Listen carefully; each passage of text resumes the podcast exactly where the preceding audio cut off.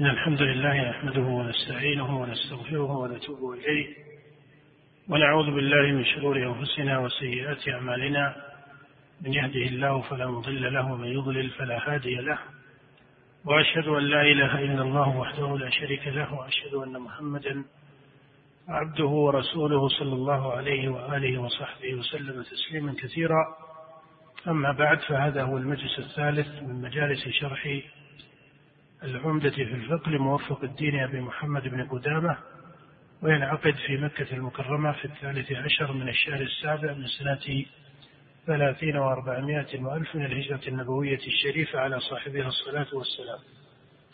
وقفنا عند قول المصنف وإن اشتبه وإن اشتبهت ثياب طاهرة بنجسة. نعم. الحمد لله والصلاة والسلام على نبينا محمد وعلى آله وصحبه أجمعين. قال المؤلف رحمه الله وإن اشتبهت الثياب الطاهرة بالنجسة صلى في كل ثوب بعدد النجس وزاد صلاة. نعم. قال المصنف وإن اشتبهت ثياب طاهرة بنجسة صلى في كل ثوب بعدد النجس وزاد صلاة.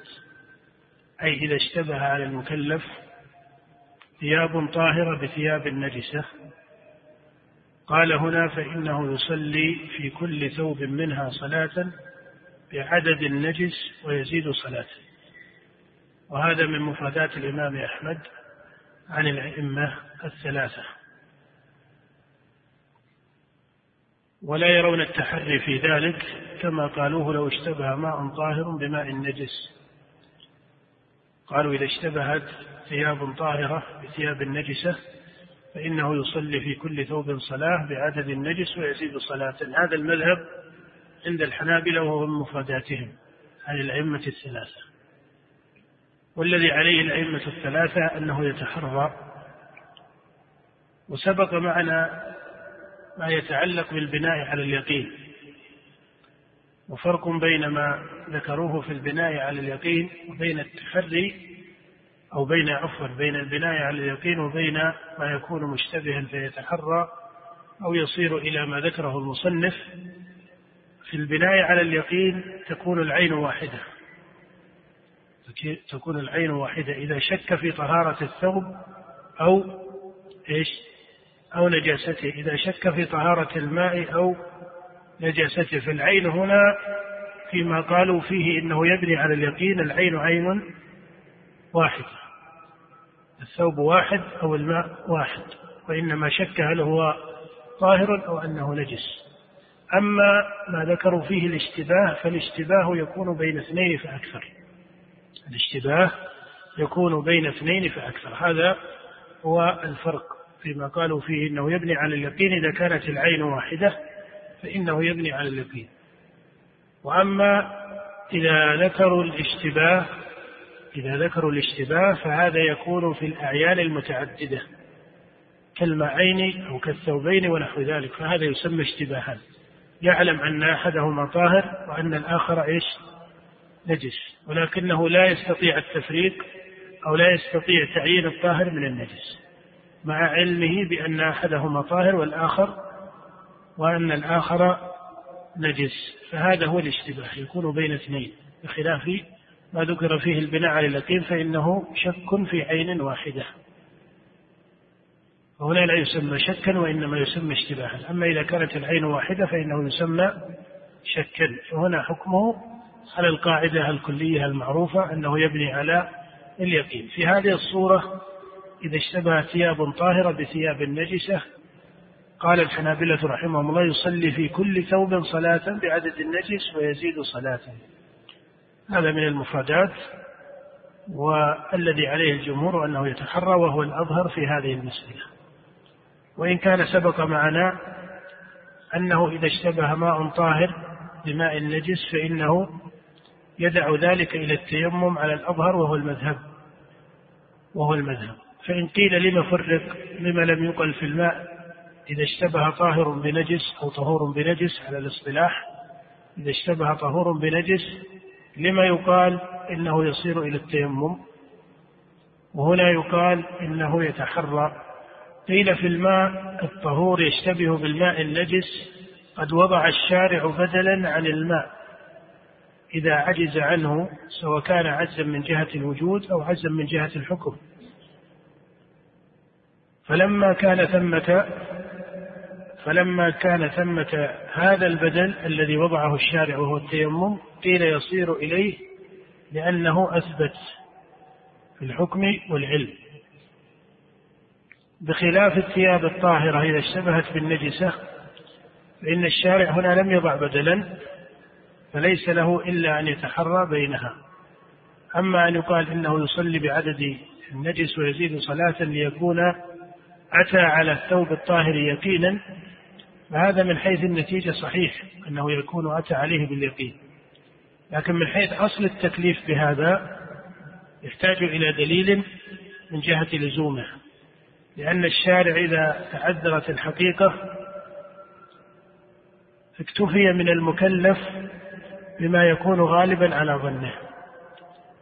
ولا سيما إذا استصحبت القاعدة الأولى وهي أن الأصل في الأعيان إيش؟ الطهارة. فلما لم يتبين في الثوب النجاسة وإنما يعلم أن فيه شيئا منها ولكن هذا الأثر ليس ظاهرا فهو لم يقصد ما يعلمه يقينا أنه نجس. فلما صلى به وقد تحرى وغلب على ظنه أنه امتاز بهذا الطاهر عن النجس فإن هذا يكون كافيا استصحابا للأصل من جهة. ولأن أحوال النجاسة وأحكامها معلقة بالظاهر من آثارها ولأنه لا يعلم يقينا أنه أصاب الثوب النجس ولأنه بنى على المظنة الراجحة عنده وهذه الشارع يقيمها مقام الحقيقة عند تعذر إيش؟ عند تعذر الحقيقة. نعم. ولكن هذا هو سبب تفريق في الترجيح بين الماء الطاهر أو الطهور يشتبه بالنجس فنقول إنه يصير إلى التيمم لأن الشارع هنا قد وضع بدلا. أما في الثياب فليس ثمة إيش؟ ليس ثمة بدل. فلما لم يكن بدل هنا فإنه يقال بالتحري وقد استعمله الشارع في كثير من خطابه. نعم. قال رحمه الله وتغسل نجاسة الكلب والخنزير سبعا إحداهن بالتراب. نعم وتغسل نجاسة الكلب والخنزير سبعا. إحداهن بالتراب. هذا على قول جمهور العلماء في نجاسة الكلب في غسل نجاسة الكلب وهو أن الكلب إذا ولغ في الإناء فإنه يجب غسل الإناء سبعا. هذا مذهب الحنابلة والشافعية والمالكية. مذهب هؤلاء الأئمة الثلاثة أحمد ومالك والشافعي أنه يجب غسل الإناء سبعا إذا ولغ الكلب فيه. إذا ولغ الكلب فيه. وهذا جاء فيه حديث صريح من رواية غير واحد من أصحاب النبي صلى الله عليه وسلم الصحيح وغيره. جاء من حديث عبد الله بن مغفل وجاء من حديث أبي هريرة وغيرهما. وفي حديث عبد الله بن مغفل رضي الله تعالى عنه إذا ولغ الكلب في الإناء فليغسله سبعا. إذا ولغ الكلب في إناء أحدكم فليغسله سبعا. أولاهن بالتراب وفي رواية إحداهن بالتراب. وفي رواية وعفروه الثامنة بالتراب وهي في الصحيح أيضا. فذهب الجمهور من أهل العلم لهذا الحديث أن الكلب إذا ولغ في الإناء فإنه يجب غسله أي غسل الإناء يجب غسله سبعا. هذا مذهب الأئمة الثلاثة مالك وأحمد والشافعي. وذهب الحنفية إلى أنه يغسل ثلاثا. قالوا لأن هذا فتوى أبي هريرة فإن فتواه على هذا وهو راوي الحديث. ولكن هذا التوجيه ليس بمتين لا من جهة فعل أبي هريرة رضي الله تعالى عنه ولا من جهة هذا التوجيه للحديث فحملوا ما جاء في الحديث على الاستحباب. قالوا يجزئ أن يكون ثلاثا. والأصل في النجاسات أن الشارع لم يعين في إزالتها عددا. الأصل في النجاسات أن الشارع لم يعين في إزالتها عددا. فإذا ما جاء تعيين من الشارع بخطاب مختص في بعض النجاسات وعين في إزالتها عدد. فإن هذا يكون موقوفا على تعيين الشارع فلا يقاس فيه. فلا يقاس في سائر النجاسات. وعليه فإن هذا الحكم هو مختص بما ذكره الشارع وهو الكلب. إلا ما ذكره بعض أهل العلم كما سيأتي في كلام المصنف في الخنزير يكون مثله لكونه أعلى دما منه ولكون نجاسة الخنزير أغلظ عند أكثر الفقهاء. ولأن الله سبحانه وتعالى ذكره في القرآن أنه رجس إلى غير ذلك من الأسباب فمنهم من جعل الخنزير كالكلب في لزوم غسل الأثر منه سبعا إذا ولغ في إذا إذا إذا بقي سؤره في الإناء. إذا كان له سؤر في الإناء فإنه يعني إذا شرب الخنزير في إناء أو من إناء فإنه يغسل منه سبعا. على كل حال الذي ذهب إليه الجمهور فيما يتعلق بولوغ الكلب هو المذهب الظاهر وهو المذهب الراجح عملا بما جاء في الأحاديث الثابتة عن النبي صلى الله عليه وسلم وهي أحاديث صريحة في الباب وثابتة وهو مذهب جمهور العلماء كما أسلفت. وإن كان الجمهور يعني مالكا وأحمد والشافعي بينهم خلاف من جهة آه، النجاسة فيما يتعلق بأثر الكلب وسؤره. هل هو نجس؟ أم أن هذا على محض التعبد؟ فالمشهور من مذهب المالكية أن هذا على محض التعبد ليس من باب النجاسة. وعند الحنابلة والشافعية أن هذا من باب النجاسة المغلظة ولهذا أمر الشارع بالغسل منها سبعا. والخنزير كذلك في مذهب أحمد والشافعي فإنهم يرون أنه يغسل الإناء من سؤل الخنزير يغسل سبعا. قالوا لأنه كالكلب أو أغلظ. فإن الله سبحانه وتعالى لكتابه لما ذكر المحرم من أصل المباح قال قل لا أجد فيما أوحي إلي محرما على طاعم يطعمه إلا أن يكون ميتة أو دما مسوحا أو لحم خنزير فإنه رجس. فلما ذكر في القرآن أنه رجس فدل على نجاسته ولجملة من الأدلة قالوا ولأن الشارع رخص باستعمال الكلب واقتنائه للزرع والصيد ونحو ذلك بخلاف الخنزير فإنه محرم في سائر أوجهه ولا يحل الانتفاع به بوجه إلى غير ذلك. قالوا فبجملة هذه الأوجه يعلم أن الخنزير أغلظ في الحكم فيكون كالكلب في لزوم غسل الإناء من سؤله سبعا هذا مذهب أحمد والشافعي. وأما في سائر النجاسات فلا يظهر وجه في طرد القياس. فلا يظهر وجه في طرد القياس. إنما هذا مختص بالكلب الذي أيده الشارع بالخطاب وإلحاق الخنزير به. من هذا التقدير يكون متجها يكون متجها. أما ما بعد ذلك من الأحوال التي تكون فيها النجاسة فإن اشتراط العدد ليس فيه نص إلا ما عينه الشارع بالاشتراط. قال رحمه الله ويجزئ في سائر النجاسات قوله إحداهن بالتراب هذا المذهب في آه، نجاسة الكلب أو في ولوغ الكلب في الإناء يغسل سبعا إحداهن بالتراب في مذهب الإمام أحمد والشافعي. لحديث عبد الله بن مغفل رضي الله عنه في الصحيح إذا ولغ الكلب في إناء أحدكم فليغسله سبعا إحداهن بالتراب. في رواية في الصحيح وعفروه الثامنة بالتراب. وهذا مذهب منقول عن الحسن البصري رحمه الله أنه يغسل سبعا والثامنة تكون بالتراب. ولكن المذهب الذي عليه الأكثر من الفقهاء هو أن إحداهن تكون بالتراب وتكون سبعا إحداهن بالتراب. وهذا هو المحفوظ في حديث عبد الله ابن المغفل وغيره من الأحاديث. نعم. قال رحمه الله ويجزئ في سائر النجاسات ثلاث منقية. قال ويجزئ في سائر النجاسات ثلاث منقية. هذه رواية في مذهب الإمام أحمد ويقويها الموفق رحمه الله. وإلا فإن المشهور من مذهب الحنابلة المشهور من مذهب الحنابلة أن النجاسات تغسل سبعا ولم يستثنوا في ذلك إلا النجاسة تكون على الأرض.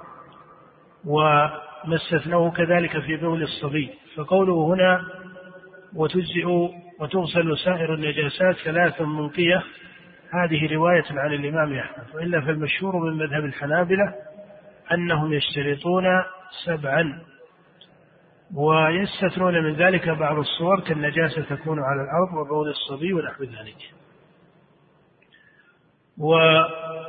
واشتراط العدد في النجاسات لم يرد في النصوص ما يوجبه مطلقا.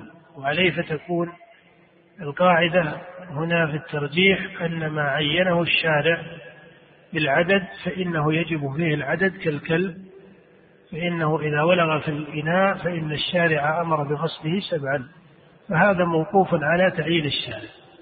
وأما ما بعد ذلك فإنه يصار إلى ما يعلم به أو يغلب على الظن زوال النجاسة فإنه يصار إلى ما يعلم به أو يغلب على الظن زوال النجاسة وإنما قلنا ما يعلم به أو يغلب على الظن فعبر بالعلم وعبر بغلبة الظن لأن النجاسة قد تكون مرئية فهذه لا بد في زوالها من إيش؟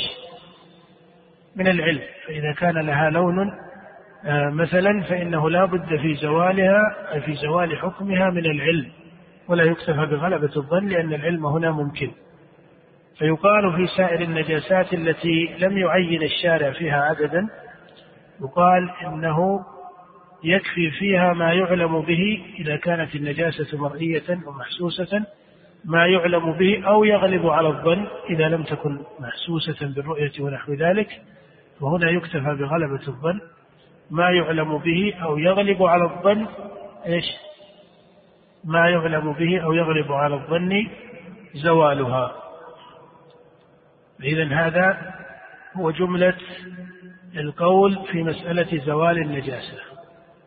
إذا كان الشارع قد عين عددا كالكلب فإنه يقال به لتعيين الشارع لذلك عملا بخطابه الخاص وما عدا ذلك فإن الأصل في الشريعة هو زوال النجاسة أو زوال أثر النجاسة. فإذا ما علم زوالها أو غلب على الظن ذلك لتعذر العلم لتعذر العلم كما لو كانت النجاسة ليست مرئية وإنما يعلم وجودها أو ليست محسوسة وإنما يعلم وجودها فإنه يكتفى بغلبة الظن.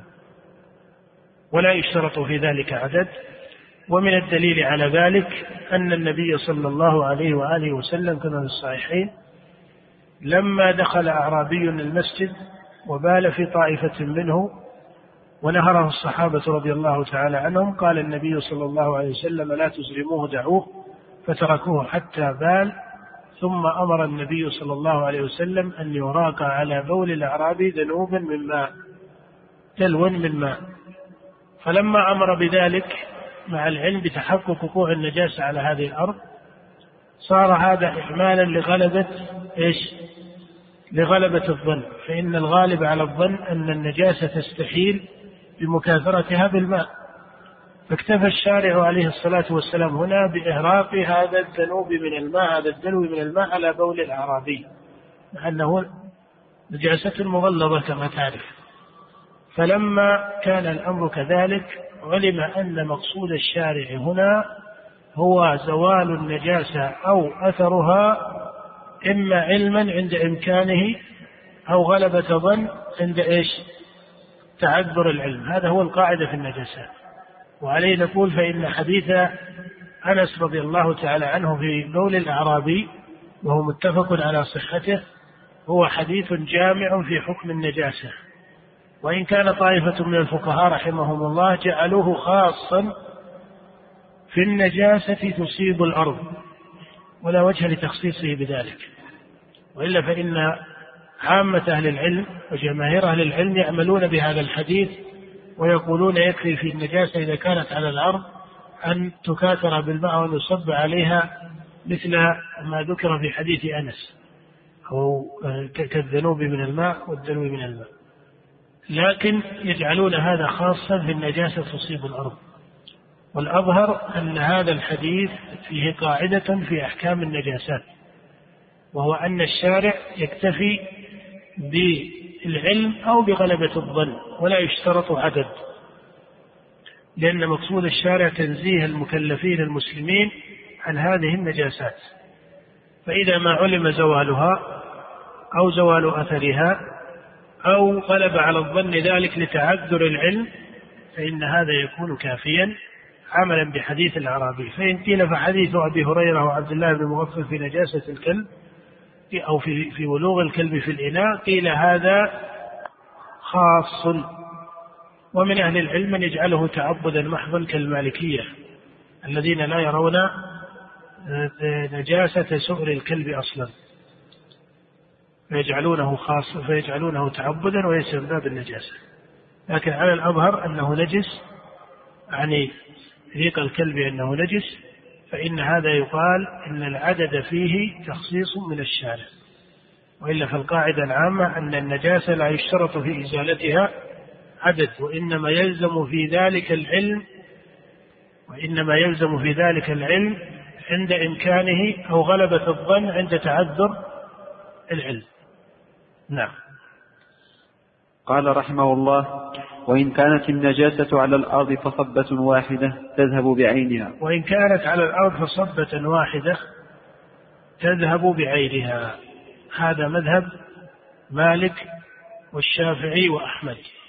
والحنفية لهم تفريق بين الأرض الرخوة والأرض الصلبة التي تمسك الماء والتي لا تمسك الماء.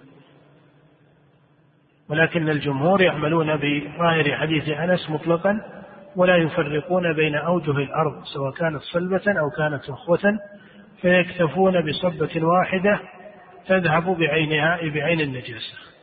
والأظهر أن هذا الحكم لا يختص بالأرض وحدها بل هذا حكم وقاعدة في زوال النجاسات. نعم. لقوله صلى الله عليه وسلم صبوا على بول الأعرابي ذنوبا من ماء نعم هذا حديث أنس وهو حديث متفق على صحته أخرجه الشيخان في صحيحهما. نعم. ويجزئ في بول الغلام الذي لم يأكل الطعام النضح. ويجزئ في بول الغلام الذي لم يأكل الطعام النضح. بول الآدمي نجس وبول الغلام الذي لم يأكل الطعام على الصحيح كذلك. وإنما خفف الشارع حكمه لعموم البلوى به. وإنما خفف الشارع حكمه لعموم البلوى به فيكون هذا من تخفيف هذه الشريعة وتيسيرها. فجاء في حديث أم قيس بنت محصن رضي الله تعالى عنها كما في صحيح مسلم وغيره أنها أتت رسول الله صلى الله عليه وسلم بابن لها لم يبلغ أن يأكل الطعام. قال عبيد الله أخبرتني أن ابن هذاك بال في حجر النبي صلى الله عليه وسلم فدعا النبي صلى الله عليه وسلم بماء فنضحه على ثوبه ولم يغسله غسلا.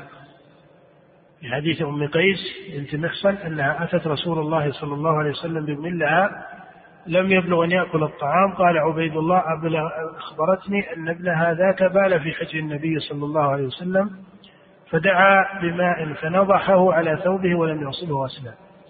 وجاء في السنن في سنن أبي داود وغيرها من حديث أبي السمح أن النبي صلى الله عليه وسلم قال يغسل من بول الجارية ويرش من بول الغلام. فالغلام الذي لم يبلغ أن يأكل الطعام الغلام الذي لم يبلغ أن يأكل الطعام فهذا يكتفى في بوله بنضحه ولا يلزم غسل المحل الذي أصابه بول الغلام الذي لم يأكل الطعام. هذا تخفيف كما قلت من الشارع لعموم البلوى به. وأما ما عدا ذلك كالجارية والغلام الذي الطفلة الأنثى من الآدمي أو الغلام الذي أكل الطعام فإن حكمه وجوب الغسل على الأصل. إنما استثنى الشارع إنما استثنى الشارع الغلام الذي لم يبلغ أن يأكل الطعام كما في حديث أم قيس وحديث علي بن أبي طالب وحديث أبي السلف وما عدا ذلك فإنه يجب غسله وعليه فالمذهب الذي عليه الإمام أحمد والشافعي أنه يغسل من بول الجارية ويرش من بول الغلام. والدليل على ذلك هو ما جاء في حديث أم قيس بنت محصن رضي الله تعالى عنها. نعم. وكذلك المذي الخلاف في المسألة كما أسلفت هو من باب استثناء الشارع وإلا فإن مذهب الحنفية والمالكية أنه يجب غسله مذهب الحنفية والمالكية أنه يجب غسل المحل الذي أصابه بول الغلام أو بول الجار ولا يفرقون بينهما بل يجب غسله أكل الطعام ولم يأكل الطعام. نعم. قال رحمه الله وكذلك المدي وكذلك المدي هل المدي نجاسة مخففة أو أنه على الأصل في النجاسة وحكم النجاسة وجوب الغسل؟ هذه رواية عن الإمام أحمد. ما ذكره المصنف من أن المدي يكفي فيه النضح كبول الغلام الذي لم يأكل الطعام هذه رواية عن الإمام أحمد. ويرجحها الإمام ابن تيمية رحمه الله. ويرجحها الإمام ابن تيمية رحمه الله.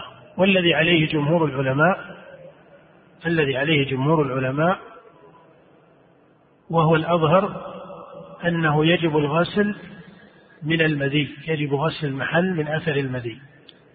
لما جاء في حديث علي بن أبي طالب رضي الله تعالى عنه الصحيح قال كنت رجلا مذاعا وكنت أستحي أن أسأل النبي صلى الله عليه وسلم لمكان ابنته فأمرت المقداد بن الأسود فسأله فقال يغسل ذكره ويتوضأ. فلما أمر النبي صلى الله عليه وسلم بغسل الذكر من أثره دل على أنه نجس كالبول وأن نجسته يجب فيها الغسل. نعم. أو يجب فيها الغسل. نعم. قال رحمه الله ويعفى عن يسيره ويسير الدم وما تولد منه من القيح والصديد ونحوه. قال ويعفى عن يسيره. هذا على رواية في المذهب أنه يعفى عن يسير المذي. وبهذا قال الحنفية والمشهور من مذهب الحنابلة أن يسير المذي لا يعفى عنه. وهو الصحيح. وهذا مذهب أكثر الفقهاء. أن يسير المذي كيسير البول لا يعفى عنه. لكن على هذه الرواية في المذهب وليست هي المذهب عند الحنابلة وهي مذهب الحنفية أنه يعفى عن يسيره. والذي عليه الجمهور أنه لا يعفى عنه لعدم الدليل في التخفيف. في الأصل في النجاسات هو وجوب الغسل. القاعدة هنا أن النجاسة يجب غسلها أو إزالة آه، الأثر بما يعلم إزالتها به أو يغلب على الظن ذلك. وأما التخفيف بالنضح أو العفو عن اليسير فهذا لا بد أن يكون فيه وجه من الاستثناء من الشارع نفسه. وحد اليسير هو ما لا يقبله قبله قال ويسير الدم. ويعفى عن يسيره ويسير الدم. ويعفى عن يسيره عن يسير المذي على هذه الرواية وليست هي المذهب. نعم. وما تولد منه. قال ويسير. ويعفى عن يسيره ويسير الدم. خلاص انتهينا. ويعفى عن يسيره لا تعيدها قال ويعفى عن يسيره عن يسير المذي. قال ويسير. نعم ويسير الدم؟ ويسير الدم وما تولد منه من القيح والصديد ونحوه. قال ويسير الدم أي يعفى عن يسير الدم وما تولد منه من القيح والصديد ونحوه. إذا كان في الإنسان مثلا ما هو من الجرح ففيه شيء من الدم أو ظهر منه شيء من الدم أو ما يتولد منه على تعبير الفقهاء التولد مع أن هذا من حيث الحقائق العلمية له تفسير ربما أدق من مسألة التولد من الدم أو, ما إلى ذلك. إنما المقصود عندهم أن يسير الدم ويسير القيح. لا نترك كلمة التولد لأنه قد يكون التولد على الحقيقة العلمية كذلك ولا يكون كذلك. إنما يسير الدم ويسير القيح والصديد يجعلونه نجسا ولكن يعفى عن يسيره. والعفو عن يسير الدم ويسير القيح والصديد هذا هو الذي عليه ظاهر عمل الصحابة رضي الله تعالى عنهم. فإنه جاء عن بضعة عشر من الصحابة بأسانيد صحاح أو حسان أنهم كانوا يرخصون في مثل ذلك ويعفون عنه. وإلا فليس ثمة شيء محفوظ مرفوع في ذلك وإنما هذا الذي جرى عليه عمل الصحابة رضي الله تعالى عنهم. وعلى هذا اتفق الأئمة الأربعة. على هذا اتفق الأئمة الأربعة وإن كان بين أو في وسط هذه المذاهب الأربعة بعض الاستثناءات اليسيرة لكن في الجملة يقال إن هذه الجملة من المسائل قد اتفق عليه الأئمة الأربعة وهو العفو, العفو عن يسير الدم والقيح والصديد. نعم. قال رحمه الله ونحوه وحد اليسير هو ما لا يفحش في النفس.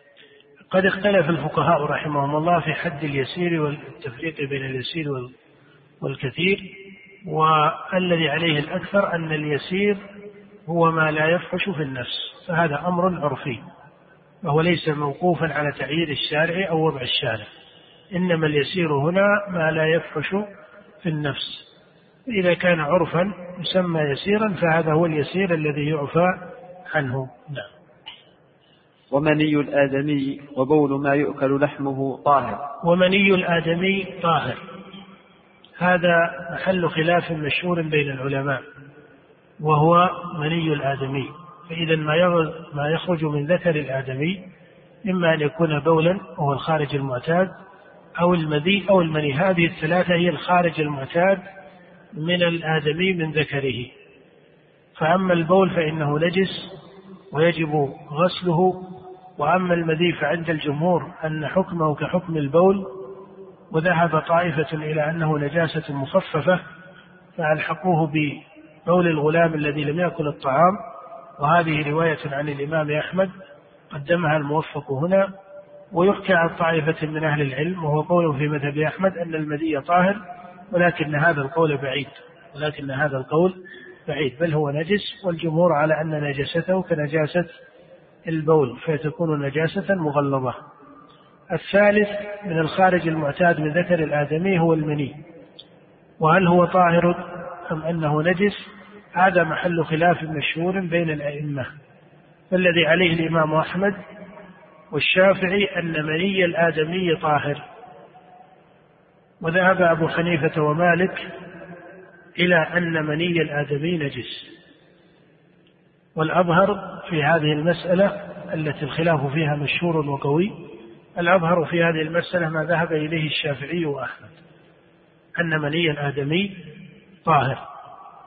وجملة الاستدلال على ذلك أن الأصل في الأعيان الطهارة أن هذا عين والأصل في الأعيان الطهارة. وإنما كان البول نجسا لأن الشارع بين أنه نجس. ولا يقال إنه خارج من محل النجاسة فيكون نجسا. فإن المحل من حيث هو ليس نجسا. المحل من حيث هو ليس نجسا. إنما العين التي خرجت منه وهي البول تكون نجسة وإلا فإن المحل طاهر. فالقول بأنه خارج من محل النجاسة فيكون نجسا هذا كتأصيل ليس متينا إنما يقال إنه خارج, خارج من محل والأصل في المحل والأصل في العين الطهارة ما لم يدل الدليل على وجود النجاسة.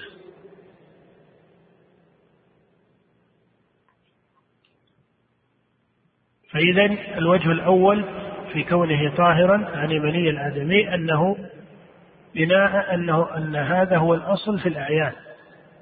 إن القاعدة أن الأصل في الأعيان الطهارة. ولا يؤثر على ذلك أنه خرج من هذا المحل. الوجه الثاني أنه ثبت في الصحيح وغيره من حديث عائشة وغيرها أنها كانت تحكه من ثوب النبي صلى الله عليه وسلم يابسا بظفرها.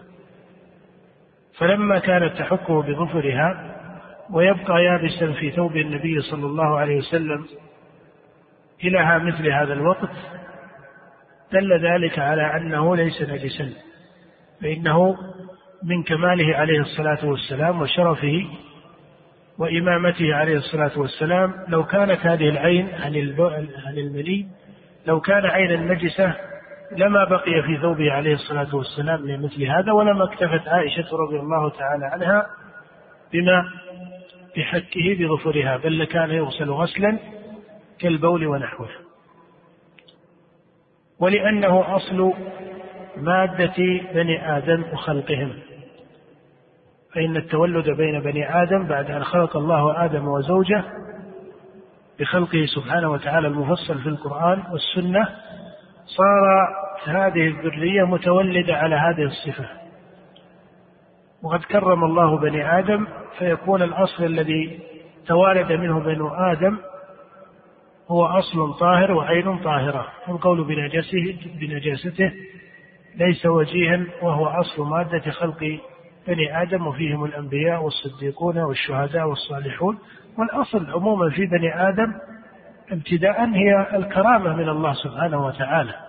فإن الله جعل هذا المخلوق مخلوقا كريما وشرفه بإرسال الرسل وإنزال الكتب إلى غير ذلك. فالآدمي مكرم عند الله من حيث الأصل إلى أن يضل فيكون قد أصاب غضب الله سبحانه وتعالى. وإلا فالأصل هو ما جاء في قول الله سبحانه ولقد كرمنا بني آدم وحملناهم في البر والبحر ورزقناهم من الطيبات وفضلناهم على كثير ممن خلقنا تفضيلا. فإذا لهذه الأوجه من الأدلة وغيرها فإنه يعلم أو يظهر أن أن مني الآدمي طاهر على مذهب أحمد والشافعي خلافا لأبي حنيفة ومالك رحمهم الله. قال الحنفية والمالكية إنه جاء في الصحيح أن عائشة تغسله من ثوب النبي وهذا ثابت. ولكن كونه يغسل منه لا يلزم منه إيش؟ النجاسة فإن الإنسان يغسل ما تقدره فإن الإنسان يغسل ما تقدره. ولو كان كذلك لاضطرد الغسل فيه ولم تذكر عائشة أنها تارة تغسله وتارة تحكه يابسا. هذا وجه. وأما كونه خرج من هذا المحل والخارج من الذكر يكون نجسا فيقال تحقيق هذا المعنى ليس متأتيا مع النصوص. بل هذا المحل محل آه، طاهر من حيث الأصل فلا يلزم أن الخارج منه لا يكون إلا نجسا. نعم. وبول ما يؤكل لحمه طاهر. قال وبول ما يؤكل لحمه طاهر. مأكول اللحم وهو بهيمة الأنعام وأمثالها مما أباح الشارع أكل لحمه فإن بوله وروثه يكون طاهرا. بول مأكول اللحم وهو بهيمة الأنعام وكذلك الروث في سائر ما يؤكل لحمه وما آه، يكون على هذه الصفة فإنه يكون طاهرا عند الإمام أحمد ومالك.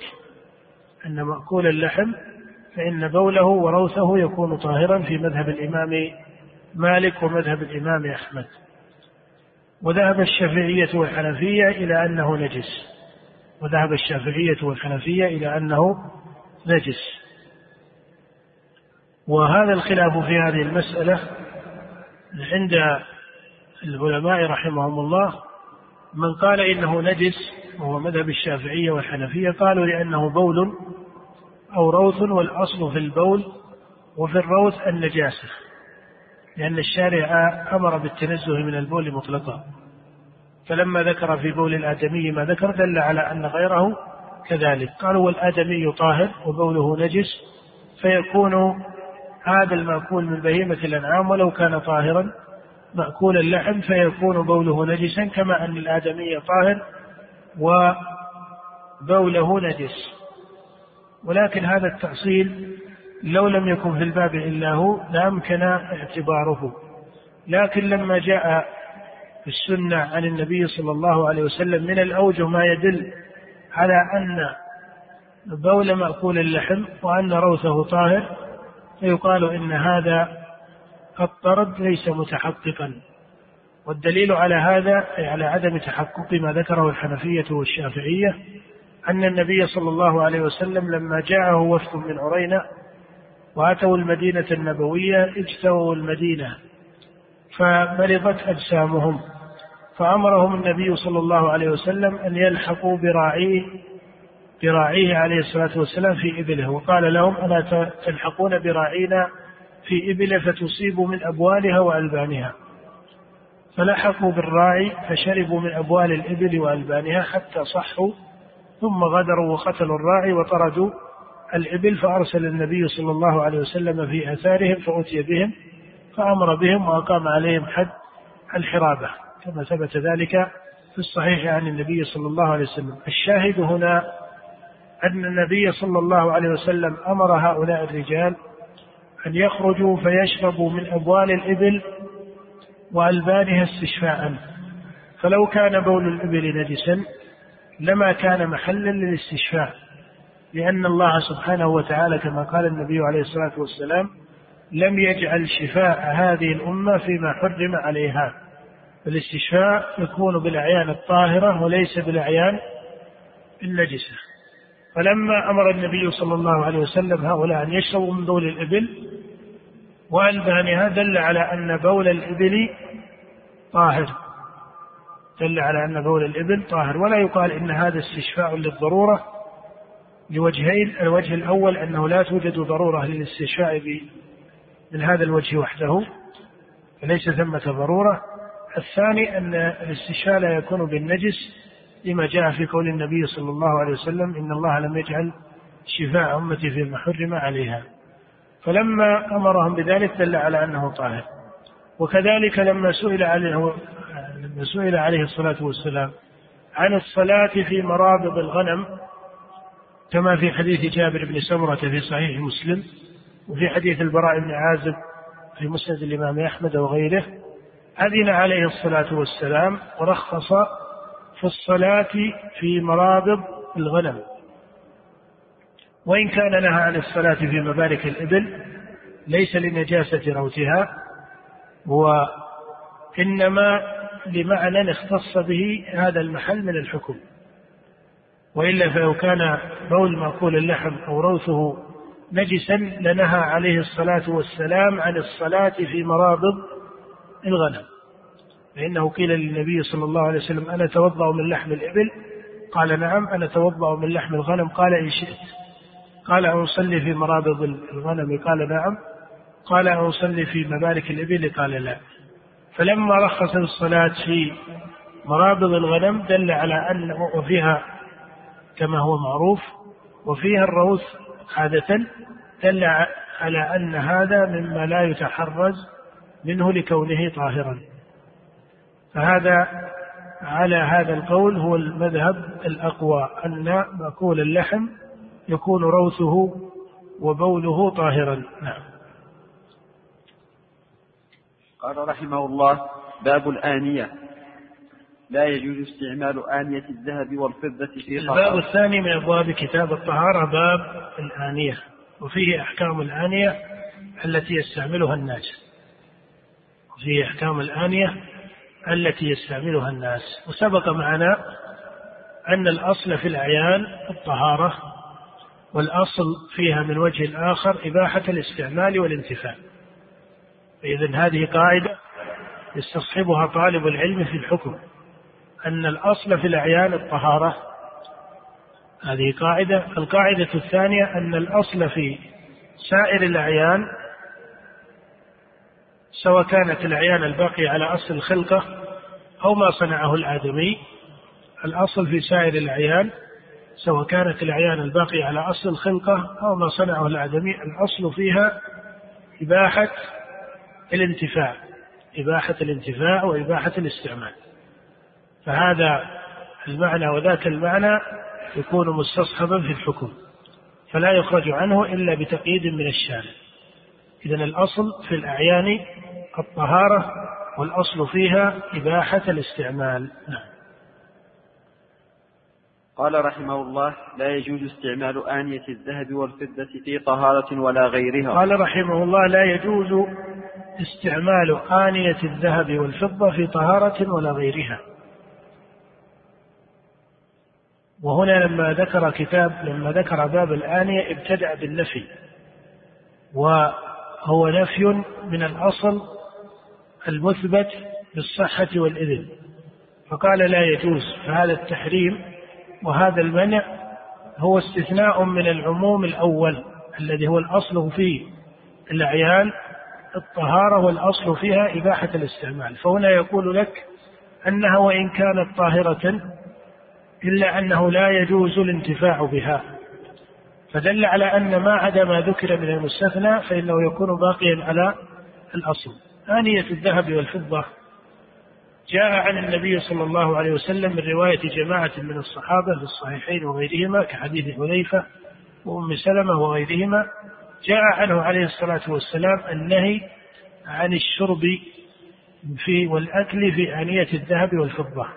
قال عليه الصلاة والسلام كما في الصحيحين لا تشربوا في آنية الذهب والفضة ولا تأكلوا في صحافهما فإنها لهم في الدنيا ولكم في الآخرة.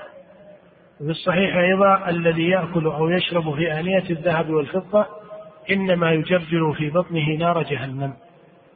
فهذه الأحاديث الصحاح من غير وجه عن النبي صلى الله عليه وسلم أخذ منها الفقهاء رحمهم الله أنه لا يجوز استعمال آنية الذهب والفضة في الأكل والشرب أو في غيرها. والمصنف هنا يقول في طهارة لأنه يتكلم في أحكام الطهارة.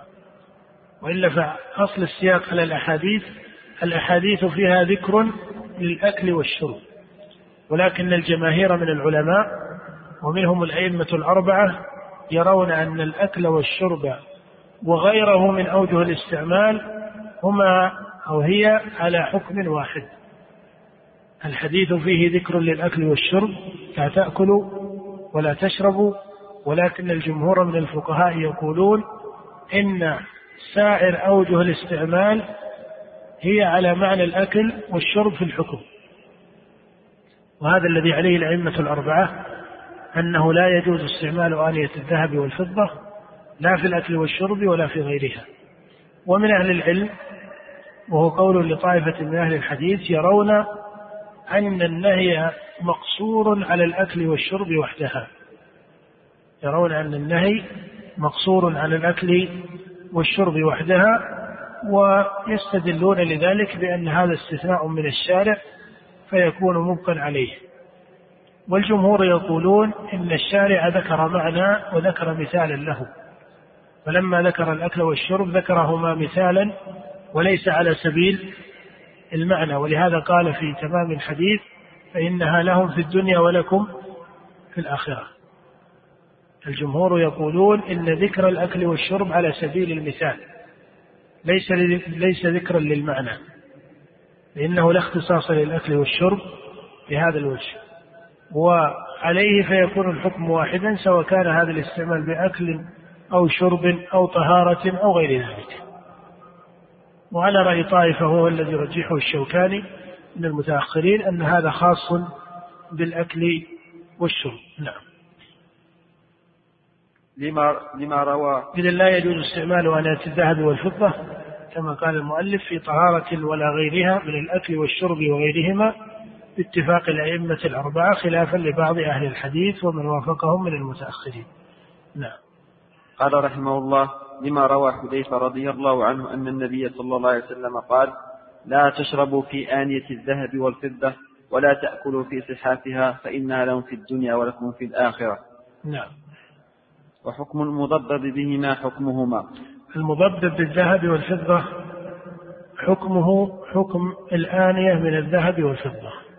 والمقصود عند الفقهاء رحمهم الله بالمضبب ما يكون الإناء ليس ذهبا ولا فضة وإنما فيه يسير من الذهب والفضة في مكان كسر ونحو ذلك. فهذا يسمى مضببا بالذهب والفضة إما على جهة الزينة أو على جهة الحاجة. إما على جهة الزينة تكون هذه الضبة للزينة أو أو يكون ذلك على جهة الحاجة. كما في حديث أنس أن الثابت في الصحيح أن قدح النبي صلى الله عليه وسلم انكسر فاتخذ مكان الشعب سلسلة من فضة يعني مكان الكسر صار فيه ضبة من الفضة لهذه الحاجة. نعم. قال رحمه الله إلا أن تكون الضبة يسيرة من فضة. إلا أن تكون الضبة يسيرة من الفضة. هذا مذهب الحنابلة والشافعية. يرون أن المضبب بالذهب والفضة من الآنية هو على أصل الحكم في المنع في منع استعماله. لكنهم يستثنون إذا ما كان الإناء مضببا بضبة يسيرة من فضة لا من الذهب.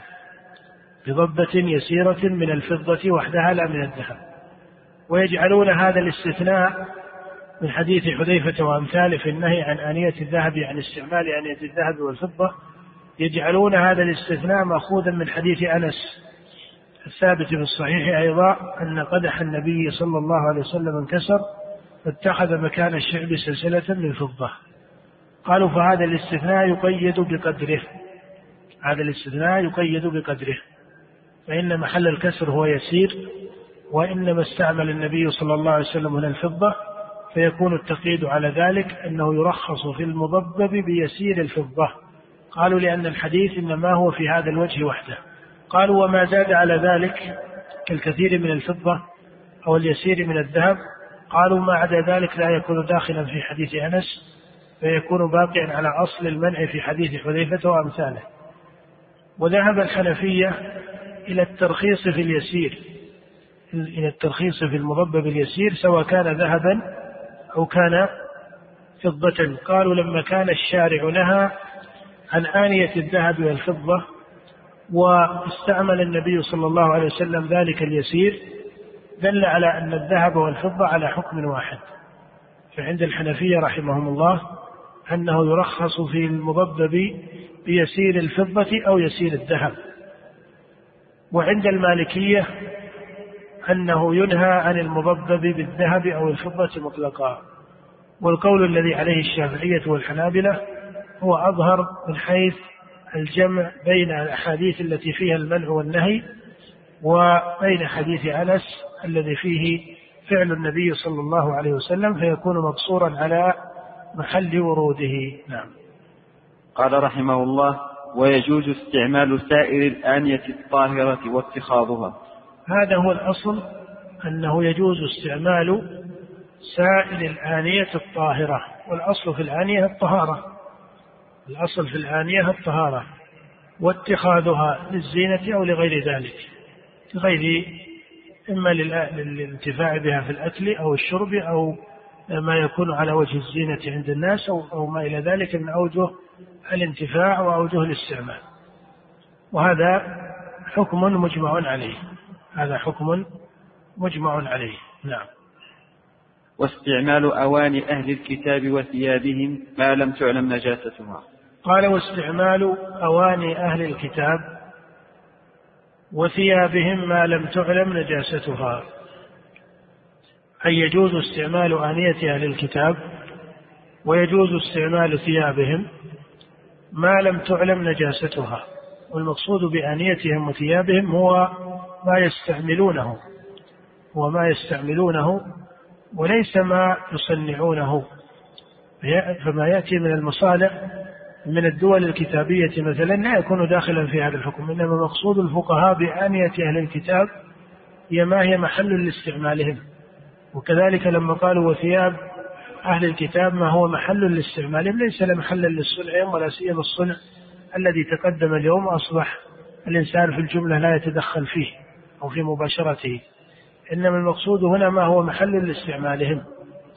هنا يقول ويجوز استعمال آنية أهل الكتاب وثيابهم ما لم تعلم نجاستها هذه الرواية من المفردات في المذهب. هذه الرواية من المفردات في مذهب الإمام أحمد. قالوا لأن الأصل في الآنية وفي الثياب الطهارة. وفي مثل قول الله سبحانه وتعالى هو الذي خلق لكم ما في الأرض جميعا. وغير ذلك من الأدلة الدالة على أن الأصل في الأعيان الطهارة. قالوا فهذه أعيان الثياب والأواني والأصل في الأعيان الطهارة.